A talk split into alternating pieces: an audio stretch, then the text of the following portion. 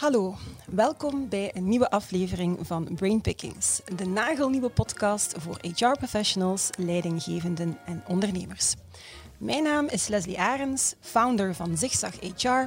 En elke week kruip ik in het hoofd van mijn gast om daar ideeën, inspiratie, best en next practices te stelen waar jij mee aan de slag kan in jouw organisatie of in jouw HR-team.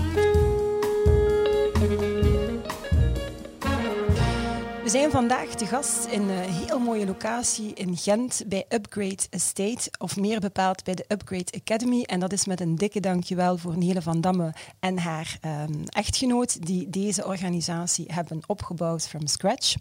Wat doet Upgrade Estate? Zij beheren en realiseren huisvesting voor studenten en voor young professionals met Upcot en Upliving. En ze doen eigenlijk fantastische dingen, niet alleen voor studenten, maar voor alle stakeholders. Ze organiseren hier in de Upgrade Academy fantastisch veel activiteiten waarin innovatie als een rode draad doorheen loopt. Dus je moet zeker eens komen kijken. Het is een, een prachtige plek in een historisch pand in Gent, vlakbij de Krook. Wat gaan we in deze brainpickings bespreken? De coronacrisis. Dat is in de eerste plaats een HR-crisis. En waar tijdens de vorige economische crisis de CFO aan zet was, is het nu een opportuniteit voor HR om de lead te nemen.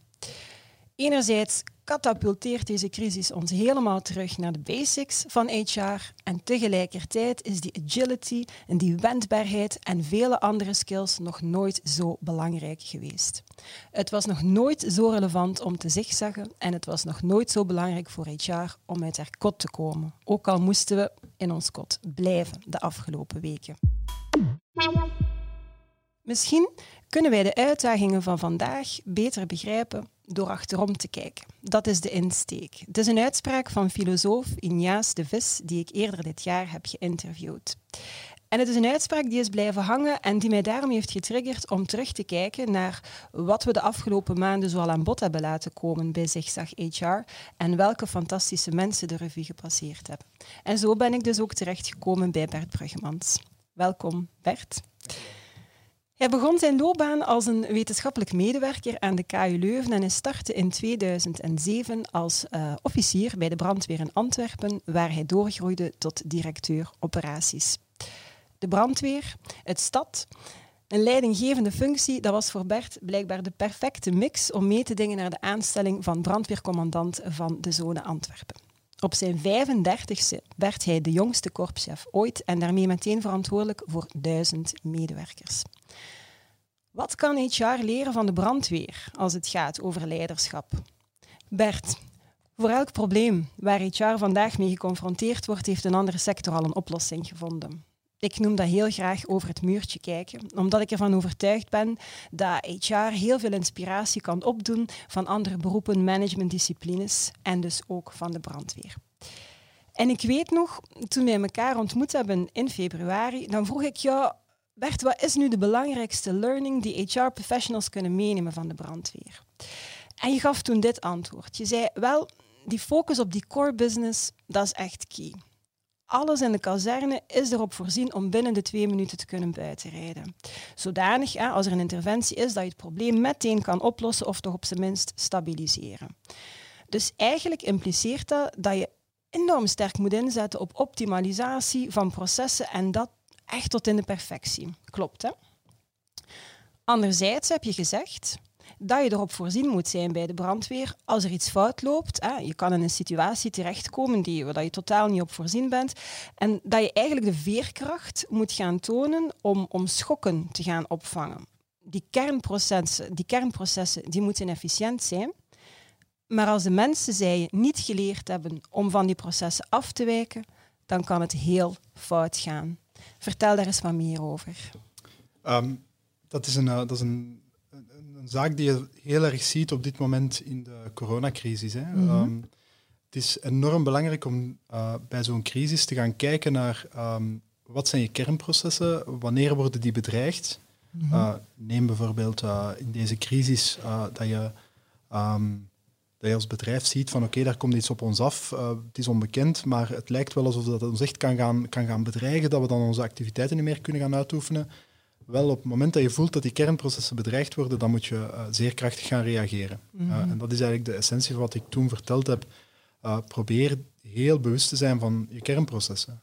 probeer je omgeving te scannen en te kijken wat komt er allemaal op ons af, wanneer, wanneer bedreigt het ons. en als je een zwak signaal ziet van iets dat je kan bedreigen, dan moet je daarop reageren. Mhm. En om te vermijden dat je op alles zou reageren, ja, is het belangrijk om heel goed die afweging te maken tussen wat gebeurt er in de buitenwereld wat zijn mijn kernprocessen en hoe relateren die twee zich ten opzichte van Mhm. elkaar? Dat is eigenlijk echt een essentiële zaak om te doen. Uh, en op die manier kan je je schrap zetten en, en voorbereiden op een wereld die, die toch wel wat bedreigingen omvat uh, en kan je daarin overleven.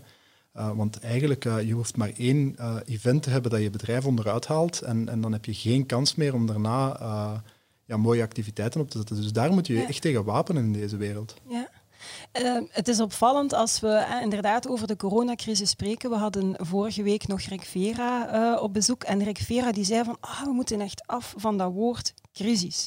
Als we in heel negatieve termen gaan spreken, dan gaan mensen dit ook vooral als, als iets negatief, gevaarlijk, bedreigend gaan bekijken.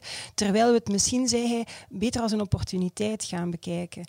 Maar zie, we, we betrappen onszelf er continu op dat we in, in, in die termen opnieuw gaan, gaan vervallen. Kan jij je daarin herkennen als, als je dat hoort? Trap jij zelf ook in die val of, of hoe kijk jij daarnaar?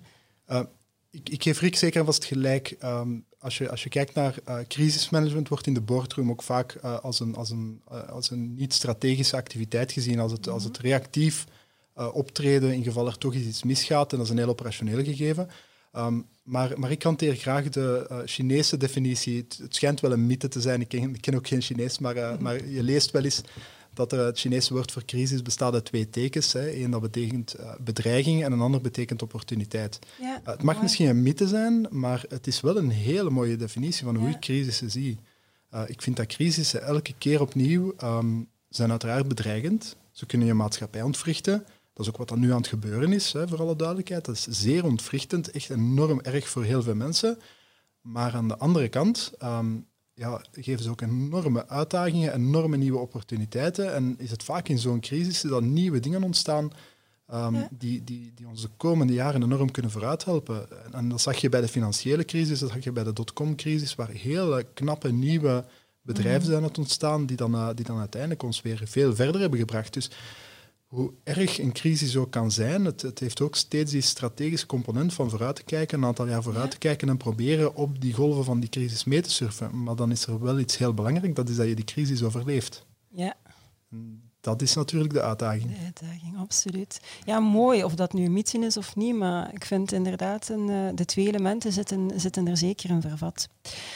Nu, um, als, ik dan, als ik dat vertaal en naar de huidige context, dat we weer aan het vertellen zijn en hoe bedrijven en HR de afgelopen ja, maanden, sedert 12 maart, die coronacrisis verteerd hebben, dan, dan herken ik hierin toch wel een beetje een oproep die wij ook vanuit Zigzag HR heel vaak brengen, om buiten de lijntjes te gaan kleuren. En daar zitten vier dimensies aan voor mij, buiten de lijntjes kleuren. Dat gaat dan over buiten de lijntjes willen kleuren en durven. Dat is echt die mindset, veerkracht, waar je een Mhm. stuk hè, ook over sprak.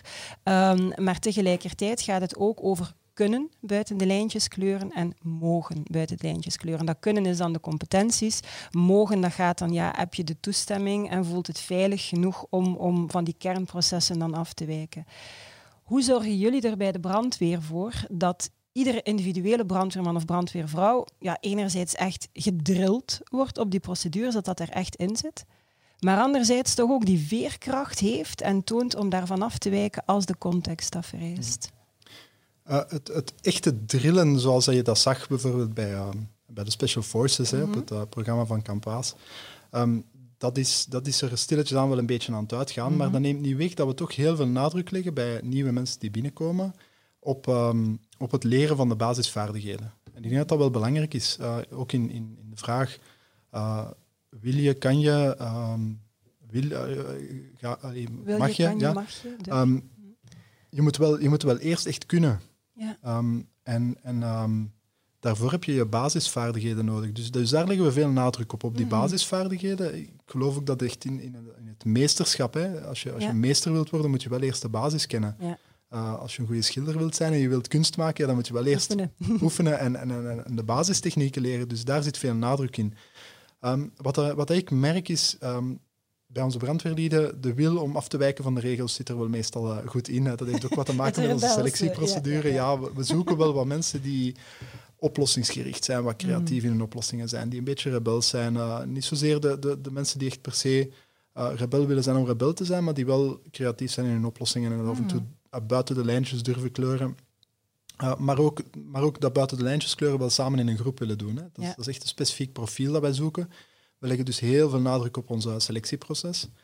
Uh, er zit ook heel veel nadruk op, uh, op het dan introduceren van de mensen in de cultuur um, door hun opleiding. Uh, en dan zie je dat ze uit de opleiding komen en dat ze eigenlijk wel hun basistechnieken goed kunnen, dat ze, dat ze, dat ze wel willen uit de, buiten de lijntjes kleuren, dat ze dat ook wel kunnen.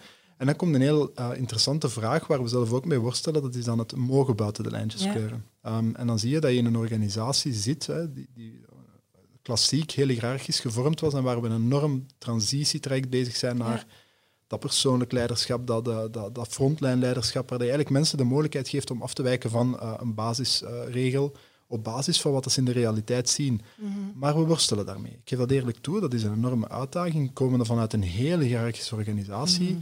Ehm, om tegen mensen dan te zeggen, ja, in, in deze situatie mag je gezond verstand volgen of je mag, uh, je mag een afweging maken, dan zie je dat men vaak nogal een tegenreactie heeft naar ja, nu mag alles. Hè. Dus, uh, dus, dus dat evenwicht zoeken binnen de organisatie is een enorme uitdaging, die cultuurverandering. Uh, en dan zie je dat je dat niet gewoon kan loslaten. Hè. Je kan niet gewoon van een hiërarchische organisatie starten en dan zeggen, ja, nu mag je uh, je goesting eigenlijk doen. En dan zie je dat dat wel eens misloopt. Dus, dus dat is onze uitdaging. Maar willen afwijken is geen probleem. het kunnen lijkt ook geen probleem dankzij het feit dat ze zeer goed zijn, zijn gedrild. En bij ons is echt die uitdaging op mogen en waar, waaraan situeert dan mogen zich. Uh, en wanneer is een regel een regel? En wanneer kan je afwijken van die regel? En we zien dat we dat eigenlijk enorm goed doen op het moment dat er een interventie uh, is. Dus, dus als het brandt, dan voelen wij precies ja, in onze buik aan wanneer is het moment om de regels te volgen en wanneer is het moment om, om af te wijken. Uh, als is dat dan omdat op leven en dood is, bij manier van spreken? Of omdat het ja, heel reëel is? Ik, ik, denk dat het zeker daarmee te maken heeft, die, die, die externe druk die er is om, om, om de zaken te doen, om aan te pakken. Iedereen voelt diezelfde externe druk. Een beetje zoals dat we gevoeld hebben in het begin van deze pandemie, waar je, mhm. waar je voelde van er is zo'n extreem probleem en nu gaan we allemaal mooi in ons kot gaan zitten. Ja. Kan je het je voorstellen dat we het vooraf zouden gezegd hebben dat we dat oh. Ik kan het me niet voorstellen. Um, maar dat is hier bij onze mensen ook. En, en waar hebben we nog de problemen om dat onderscheid te maken? Dat is vooral in het kazerneleven. Um, bijvoorbeeld in het volgen van de maatregelen van, uh, die, we, die we gesteld hadden rond corona. Mm Wij moesten blijven werken, wij moesten dat zo veilig mogelijk doen, zo continu mogelijk. En dan zie je dat het toch niet altijd zo evident was voor onze mensen om bepaalde dingen niet meer te doen. Ja, ja. En dan zag je dat daar toch wel echt die, die strijd was, die struggle met wat, wat is mogen, wanneer volgen we regels, waarom mogen we op die situaties wel afwijken van de regels en andere situaties niet. Dat is, dat is niet altijd zo evident. Dat is inderdaad niet evident, maar als je een stuk inderdaad dat kader uh, kunt, kunt meegeven, en als dat kader heel duidelijk is, waarbinnen dat dat ze dan zelf die beslissingen kunnen en mogen nemen. Ik denk dat dat al eh, inderdaad een, uh, een, relevante is. Ik herken er ook weer een soort ja, zigzagbeweging in van wanneer moet je, moet je echt die regels gaan volgen. En, en wat wij dan in, in, in HR zeggen, die heel traditionele aanpak, meer compliance-driven. En wanneer moet je dat volledig durven loslaten? Ja, de context, en, context. en, en is, is, cruciaal daarin. Hè? Ja, Zeker, en wat het is die context die bepalend is... Uh, voor, voor welke stijl je daar hanteert. En, en, en, ik denk dat het vooral belangrijk is om mensen te coachen uh, richting die stijlflexibiliteit. En mm het leren in, in, acht nemen van die context ja. uh, in hun afwegingen is, uh, is enorm belangrijk. En wij hebben dan nu bijvoorbeeld proberen een stukje op te lossen door heel veel QA-sessies te doen, ja. uh, streamings te doen, met, met video, met geluid en dergelijke meer. Ja. Om aan onze mensen echt proberen uit te leggen, ja, waar staan wij hier binnen die crisis? Hè? Wat is onze positie daarin? Ja. Ze daar in een heel unieke positie, dus je, je, moet die context nu wel heel goed begrijpen om kunnen afwegingen te maken. Op het moment dat we je niet kunnen controleren of zien, ga je nog de juiste afwegingen moeten maken. En daar, uh, daar zit onze uitdaging. Ja, heel belangrijk om die context effectief daar. Ik, ik heb vaak de indruk dat als er iets gebeurt, dat we nu al moesten in ons kot blijven, maar het is niet omdat je in je kot moet blijven dat je niet naar buiten kunt kijken. Ook als je naar buiten kijkt, ziet je de context en kun je die context in acht nemen om te zien eh, welke operationele beslissingen of strategische mhm. beslissingen op langere termijn moet ik dan nemen. Ah, dat is mooi. Um, nu, wat ik mij ook herinner, als we in februari gesproken hadden, als je ook op het event uh, aanwezig was, is, ja, je zei je kan onmogelijk op elke crisis voorbereid zijn natuurlijk. Hè. Crisisplannen worden in dat opzicht altijd geschreven voor crisissen uit het verleden. Maar hoe groot is de kans, hè, herinnert onze aanslag nog, metro in, in, in Brussel, uh, in Zaventem, ja, hoe groot is de kans dat er zich twee keer exact hetzelfde op die exact dezelfde locatie gaat, gaat voordoen? Ja, dat is on, onmogelijk natuurlijk. Hè.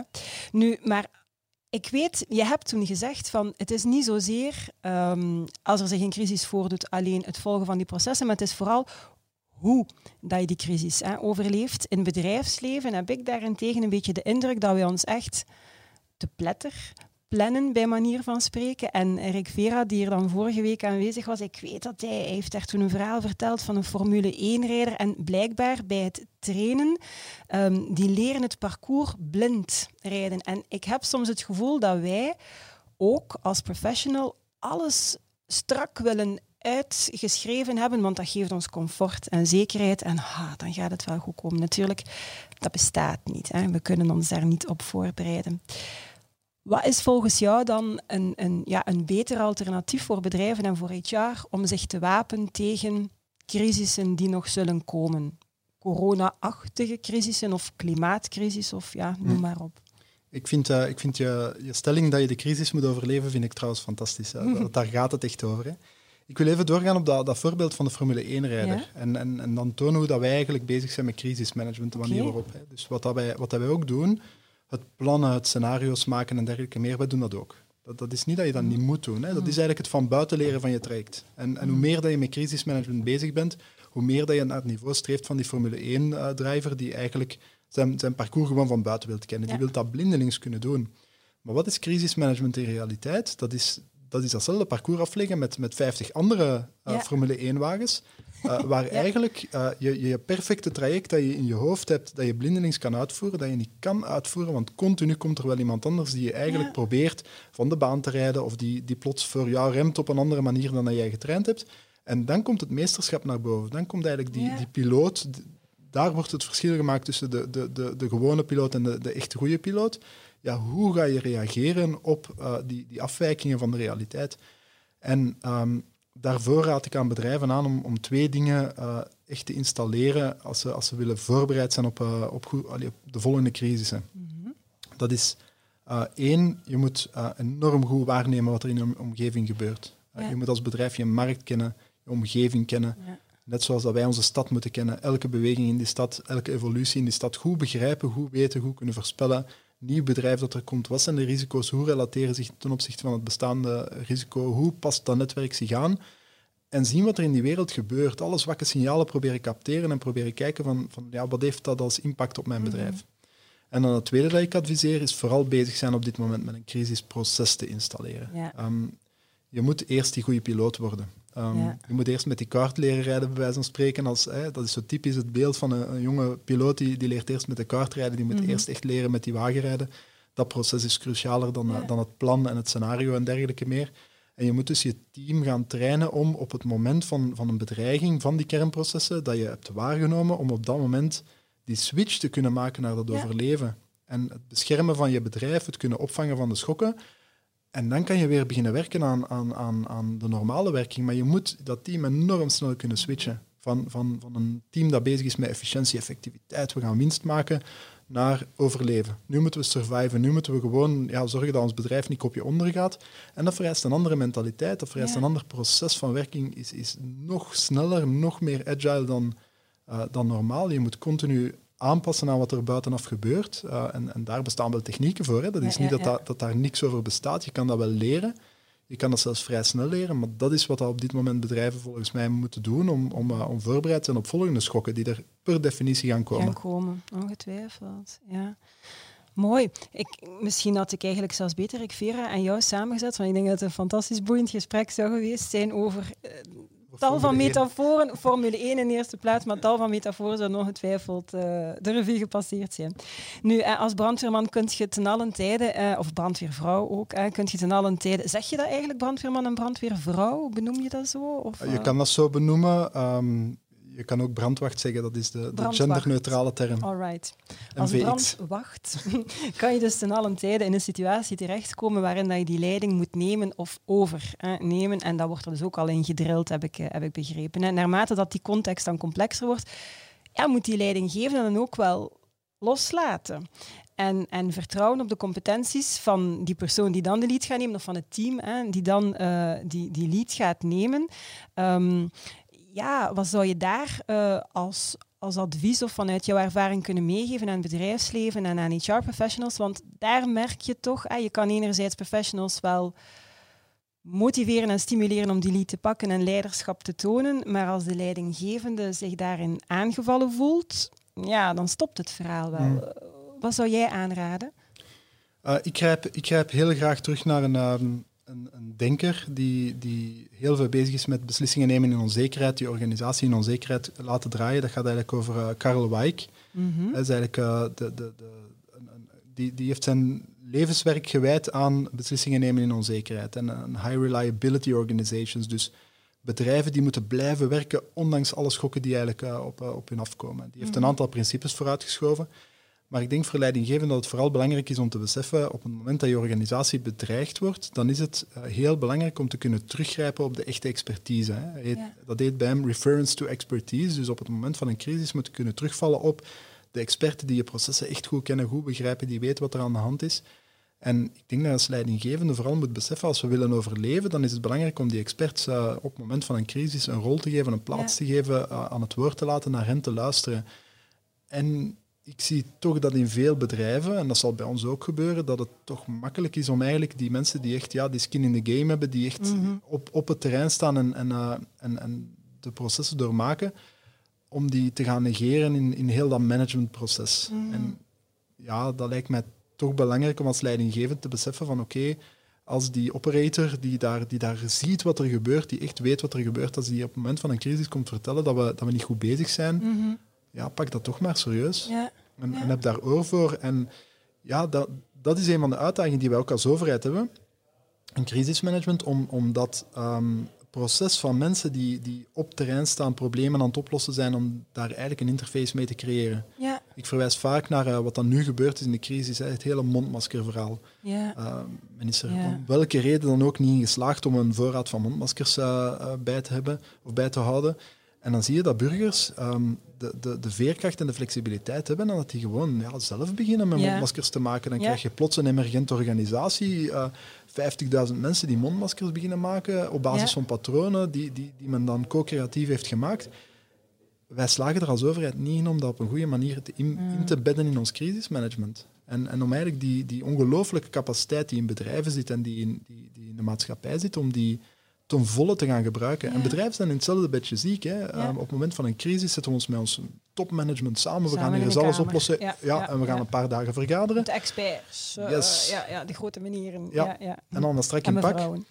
Maar we vergeten gebruik te maken van die ongelooflijk, uh, menselijk, van dat ongelooflijk menselijk kapitaal dat er op dat moment aanwezig is uh, Ja. in je organisatie. En um, ja, daar denk ik dat het als leidinggevende een zaak is om, om ik denk dat je er alleen kan bij winnen door die mensen mee te gaan Mhm. inzetten en op de juiste manier de interface te creëren, waardoor die hun verhaal mee aan bod komt en eigenlijk hun uh, overwegingen mee worden genomen. Uh, Ja. Ik denk dat dat, dat, dat echt uh, iets is dat bedrijven zouden moeten doen om door dit soort situaties door te geraken. Dus, ja. Ik hoor er ook een stukje, ja, uiteindelijk het verhaal in van goed leiderschap begint met goed zelfleiderschap. En dus die leidinggevenden moeten dat effectief ook zelf inzien en, en, en daarmee aan de slag willen gaan. Hè. Ja, het heeft in crisismanagement geen zin om nog te worstelen met je eigen leiderschap en dan eigenlijk onzeker te zijn over Nee. je eigen positie, want dan, dan heb je misschien inderdaad de neiging om uh, dat soort stemmen te negeren, Ja. wegens bedreigend en dergelijke Ja, ja. meer. Ik denk dat die Ja. stap wel moet voorbij zijn om, uh, om, om in dit soort uh, situaties efficiënt te kunnen Ja. zijn. Absoluut. Goed, we gaan nu eens katapulteren in een rol van HR-directeur, Bert.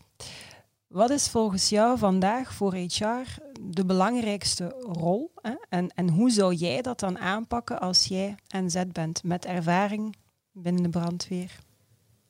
Ja, ik wil teruggrijpen op het vorige. Ik denk dat, dat HR op dit moment moet bezig zijn met, uh, met te zorgen dat die, die expertise binnen een bedrijf um, naar boven gehaald wordt. Ja. Dat, dan, dat dat een heel belangrijke rol is van HR. Uh, om eigenlijk de experts in het bedrijf uh, voldoende positie, mm -hmm. plaats te geven.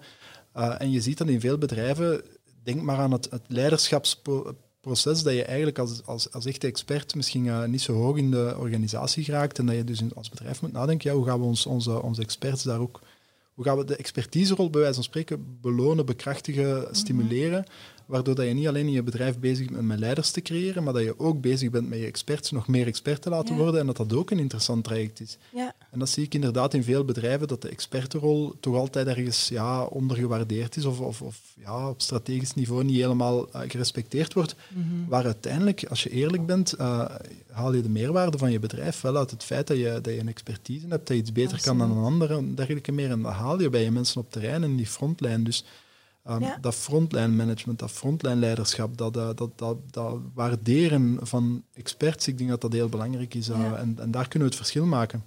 Dus ze En ik- moeten eigenlijk zo'n beetje, als ik jou hoor, bijna radars hebben van waar zit die expertise los van de functie die ze dan hebben, om te kijken van wat is vandaag nodig en kunnen we die inzetten, zodanig ja, dat die persoon zelf erbij wint, maar ook dat de organisatie Ja. en maatschappij hè, eh, er kan bij winnen. Wij hebben uh, bij de brandweer we hebben een heel toekomsttraject uh, gedaan. En een van de, van de dingen die wij gedaan hebben, is een toekomstspel ontwikkeld waarbij Mhm. wij onze mensen op terrein kunnen betrekken in, um, in, het, in het nadenken over waar staat die brandweer voor, wat willen we, wat willen we op termijn gaan, gaan doen. Hoe, hoe kunnen we met al die uitdagingen van de toekomst, waar trouwens een van de scenario's een pandemie was, Ja.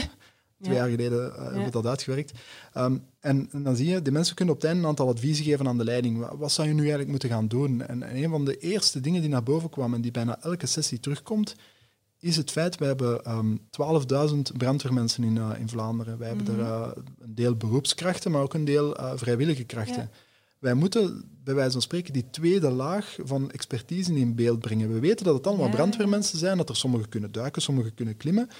Maar die mensen hebben allemaal nog hobby's en, en andere activiteiten. In het geval van vrijwilligers hebben ze ook een, een hoofdjob Ja, waar ze ook allerlei dingen kunnen. ja, En die breedte van kennis en die breedte van expertise, die moeten we eigenlijk in kaart brengen, zodat we op het moment dat er iets gebeurt, wat er ook gebeurt, dat we eigenlijk de juiste experten kunnen bovenhalen en kunnen gebruiken in onze, in onze, in onze oplossingen van, van die crisis. ja. Dus je ziet dat daar ook van op terrein vraag naar is om die expertise, zelfs als ze niet direct gerelateerd is aan het, ehm, aan, aan, aan het bedrijfsproces, om Mhm. die ook naar boven te halen en eigenlijk in beeld te brengen. Mooi. Misschien eh, om af te sluiten, iets wat je ook zelf hebt, eh, hebt gezegd tijdens een, eh, een van onze eerdere gesprekken. Hè? Een, een manager, zeg je, is bezig met vandaag. Een leider is bezig met de toekomst en een leidinggevende kan dat allebei. Het een gaat niet zonder het ander. Zou je dat nog kort kunnen, kunnen duiden in, in de context waarin dat we vandaag eh, zitten? Ja, dat, dat, dat toont zich vandaag ook. ehm, en, en zeker morgen. Ik bedoel, wat gaan we doen de komende periode? Zeker bijvoorbeeld tussen twee, ehm, tussen twee pieken, wanneer we misschien een beetje terug in de normaliteit terechtkomen, of, of semi-normaliteit. Wat, wat zijn dan de uitdagingen waarvoor je staat? En, en daar kom je echt op die, ehm, op die, die balans tussen eh, optimalisatie. je, je gaat morgen nog altijd als bedrijf moeten efficiënt en effectief werken en Mhm. winst maken en dergelijke meer. Maar wat dat wij nu vragen om, om, om eh, op lange termijn te kunnen overleven, dat kost geld. Ja. Ehm, dat betekent Ja. dat je je teams moet gaan voorbereiden op, ehm, op, op eh, ehm, crisismanagement, dat je misschien wat meer voorraden moet gaan opslaan. Al was het maar wat hè, persoonlijke beschermingsmiddelen, dingen die vroeger eh, alleen maar de brandweer en de politie bij wijze van spreken in, Mhm. in hun eh, arsenaal hadden. Ja, dat ga je nu als bedrijf allemaal moeten hebben. Ik denk dat elk bedrijf beseft van ja, we gaan hier misschien een paar honderd mondmaskers of een paar duizend Ja. mondmaskers moeten leggen. Ja, dat zijn allemaal kosten. Ja. Maar dat, zijn, eh, dat is een bepaalde slack die je moet creëren, een beetje ruimte, een beetje eh, reserve, om de schokken op te vangen die, die per definitie gaan komen. En eh, ik denk dat dat een heel belangrijk gegeven is. Je kan kijken naar korte termijn winst en korte termijn Mhm. opbrengst, maar je moet ook kijken naar long-time survivability, dus naar Ja. overleven op lange termijn. Ja.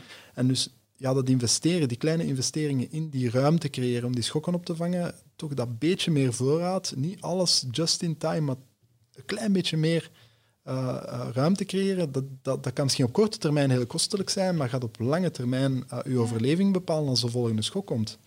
En ik denk dat bedrijven daar nu mee moeten bezig zijn en dat, dat dat de les is die wij in Europa moeten leren, ook als het gaat over veel grotere schaal, welke productie Ja. moeten wij in eigen, in eigen beheer hebben. Vinden wij het nog normaal dat wij zelf geen mondmaskers maken, dat we volledig afhankelijk zijn van China? Ja. Ja, het zal zijn dat die iets duurder zijn dan. Hè. Dat, dat, dat is waarschijnlijk het gevolg. Maar ja, die strategische afweging tussen welke schokken willen we opvangen En uh, waar willen we volledig afhankelijk zijn en willen we, willen we die, die, die potentiële schade wel aanvaarden? Dat, dat, is een moeilijke oefening, dat is een optimalisatiebeweging, een balans die we moeten vinden. Ja. En waar denk ik uh, onze zorgen de komende jaren over zullen gaan. Mooi. Ik noem dat, ik noem dat trouwens zeggen. Ja. Strategisch, lange termijn kijken van ja, welke keuzes gaan we maken en operationeel knopen doorhakken om nu op korte termijn ja, te kunnen functioneren en dan ja, kijken naar welke middelen dat je hebt, welke mensen, uw tijd, uw energie, uw geld gaan verdelen. Ja, over enerzijds lange termijn en anderzijds korte termijn, daar continu balanceren mm. en zich zeggen. Super. Dankjewel, Bert. Ik, uh, ik, voel, allee, ik heb het gevoel dat ik helemaal in je hoofd zat. Het zit momenteel helemaal in mijn hoofd. Ik hoop ook in het hoofd van mensen die, um, die gekeken hebben of die geluisterd hebben. Heel erg bedankt voor jouw um, inspiratie. Ook jullie, dankjewel om uh, te kijken en om te luisteren. Volgende keer heb ik uh, Cedric Velge bij mij op bezoek. Cedric is managing partner bij de Vigor Unit. Uh, dat is een spin-off van de Gentse Universiteit. En die heeft hij samen met uh, Frederik Anseel destijds opgericht, ik dacht in 2015. Cedric schrijft ook regelmatig voor Zigzag HR en dan zet hij echt wel zijn kritische evidence-based bril voor ons op. Dat wil jij natuurlijk voor geen geld ter wereld missen. Abonneer je dus zeker op deze podcast of op ons videokanaal. Vind je deze podcast fantastisch? Vertel het dan zeker verder. Geef ons een like. Laat jouw comments na onderaan. En heb je honger naar meer? Surf dan zeker eens naar de website van Zigzag HR op zigzaghr.be. En daar vind je nog tonnen inspiratie. And don't forget, it's a great time to be in HR. Bye bye.